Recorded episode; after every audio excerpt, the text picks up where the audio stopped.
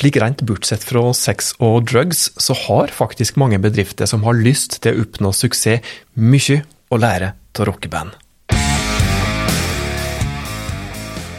Hva kan startups og etablerte virksomheter lære av et rockeband? Fins det fellesnevnere mellom de mest suksessrike artistene og de bedriftene som gjør det best over tid? Det er det så absolutt, og noen av fellesnevnerne skal vi prate om de neste minuttene.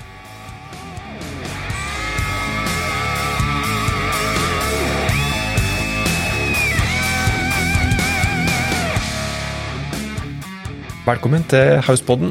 Oss er på plass med ei ny episode av podkasten eh, for det som ønsker tips og rause råd om hvordan du kan nå de målene som du kan sette dere i den eh, virksomheten eller den organisasjonen som dere jobber til.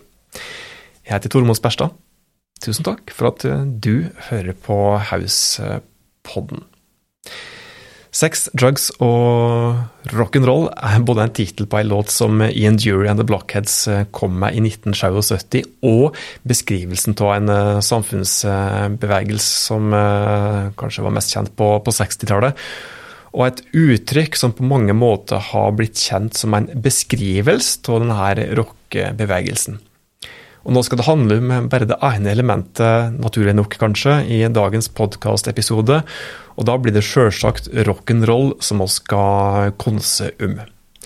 Og som du hørte innledningsvis, eh, mellom suksessrike rockeband og suksessrike virksomheter er det som det skal handle om. Før jeg fortsetter, dette her er ikke noe som vi har funnet på sjøl.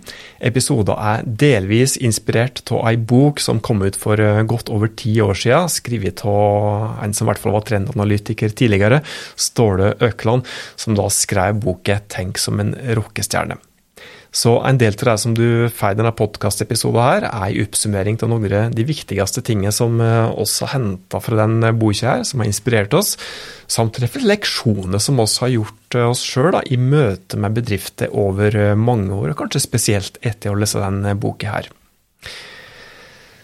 Og Det finnes jo da mange kjennetegn og likheter mellom eh, rockeband og suksessrike virksomheter. og Det første som vi eh, vil liste opp i dag, er at rockeband investerer i publikummet sitt.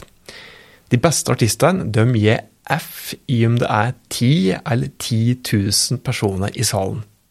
De som har kommet for å oppleve bandet, de fortjener å få full valuta for de kronene som de har brukt. Og hva har dette her med bedrifter å gjøre, da? Jo, du skal tenke på målgruppa di, og du skal gjøre det du kan for at målgruppa di blir fornøyde. I sluttetrekk så er det ikke særlig lurt å være fornøyd før kundene dine er fornøyde. Det neste som vi har bitt oss merke til, er at rockeband investerer i både fans og arbeidscrew. Dette her er nøye beskrevet i denne her boka som jeg nevnte, som bl.a. siterer han eh, Jan Ove i Kaizers på at alle er avhengige av hverandre. Band, fans og crewet, altså arbeidsfolket, de ansatte. Hva har dette med bedrift å gjøre? Jo, du skal behandle kunde og ansatte nesten som dine nærmeste. Det neste er noe som er lett å kjenne igjen, og lett å forstå er noe som gjelder for, for både rockeband og bedrifter, synes i hvert fall jeg.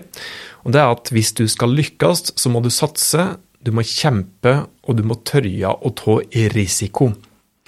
Nå finnes det nok garantert band som kalkulerer mer enn de tar risiko når de først og fremst kanskje prøver å skrive musikk for å produsere hits.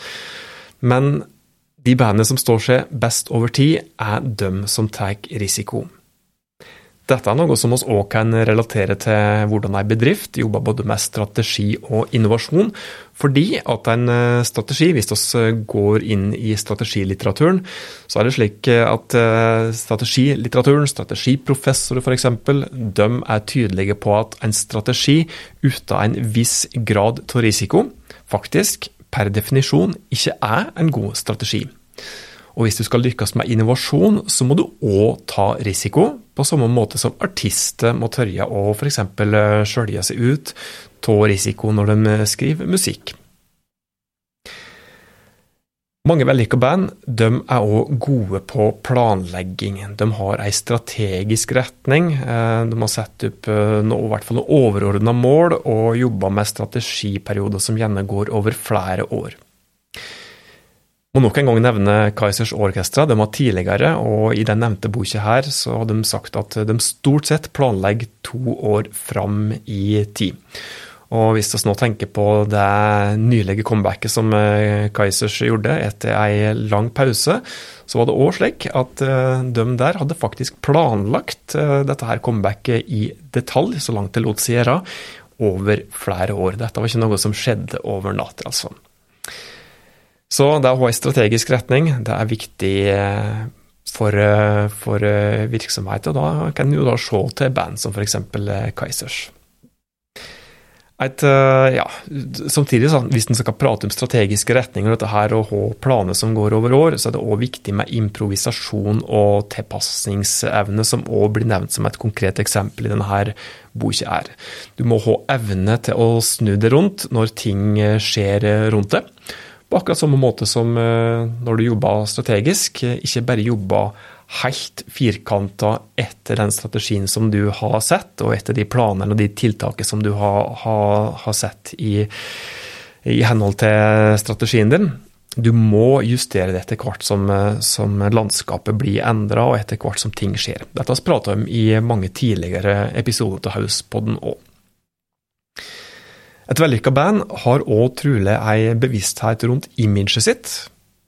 Alle trenger selvsagt ikke være Kiss med sminke eller Kaizers med gassmaske, men hvis du har et tydelig image, så er det lettere å bli lagt merke til og huska. Hva kan ei virksomhet lære til dette her, da? Jo, det er å tørre å skjølge seg ut. Eller ikke bare tørre, men finne ut hva er det som kan differensiere Eh, de virksomhet fra konkurrentene dine. Finn ut hva er det som skiller det fra resten. Greier du det, så er det lettere å hevde seg. De lengstlevende og mest suksessrike rockebandene de har òg en enorm drive og en tilsynelatende evigvarende lidenskap for det som de driver med. Tenk bare på Hvis jeg skal ta noen band som, som er følger godt og kjenner godt. Og så kommer du kanskje sikkert på helt andre band, men eh, jeg kommer eh, først på f.eks. Rolling Stones og Metallica, da, som har drevet på i ja, gud veit hvor mange år. De kan jo umulig drive med det som de fremdeles driver med, fordi at de trenger kronene sine lenger. De har jo nok av kroner, skulle en tro. De har derimot en drive til de virkelig sjeldne, et inderlig ønske om å drive med noe som de tror på. Og det gjør jo òg at fansen, kundene deres, blir lojale, er med dem overalt. Fremdeles etter mange, mange tiår. Den dreven, denne her eh, lidenskapen, den er viktig, og noe som eh, oss kjenner at i Haus òg, fra eh, møtene våre med, med utrolig mange bedrifter. De som greier å hevde seg Selvsagt er det mange som sliter, spesielt i oppstartsåret, men de som hevder seg best over tid, er de som virkelig har hatt en drive, som har trodd på det de har drevet med, og kanskje òg har fylt hjertet litt ekstra. At de ikke nødvendigvis bare har hoppa på eh, det første og nærmeste toget på veien til suksess men da kanskje ha tatt en risiko og fyrt eh, drømmen sin, virkelig fyrt hjertet med tanke på det som de egentlig brenner for og har mest lidenskap for å drive med. Så det er også slik, både for band og for virksomheter, at en uh, må regne med å jobbe hardt, men så er det lov å skille mellom jobb og fritid. De mest suksessrike bandene, hvis en uh, tar en kikk rundt, uh, og da f.eks. ser på de bandene som har drevet lengst og gjort størst suksess over flest tiår, f.eks. De mest suksessrike de tar seg råd og tid til å koble av mellom slagene. Det er mest eh, arbeidsintensivt når de skriver, spiller inn, produserer og turnerer, men de kan òg ta seg fri i lange perioder. Til slutt så har jeg lyst til å sitere litt i denne boka som, eh, som, kom for, eh, som nevnt, over ti år siden, og som jeg syns er utrolig treffsikkert, og spesielt når man ser attende i tid, med tanke på at det var et helt annen situasjon, ikke helt annen situasjon, men det var litt annerledes i, i 2013, når boka ble skrevet, enn enn i 2024, når vi spiller inn denne podkastepisoden her. Og Det er kanskje enda mer aktuelt nå, når man ser på f.eks. arbeidslivsundersøkelse, ser på hva til krav og ønsker dagens og morgendagens ansatte har i, ja, for de arbeidsgiverne, de bedriftene som de skal jobbe i. Og jeg siterer da at si som følger. Fremtidens vinnerbedrifter de kommer til å ligne rockeband i sitt vesen. De vil ha en rett balanse mellom individualitet og fellesskap. De vil ha en flat struktur, delt eierskap og lidenskapelige ansatte som ofrer seg for hverandre og jobber hardere enn konkurrenten.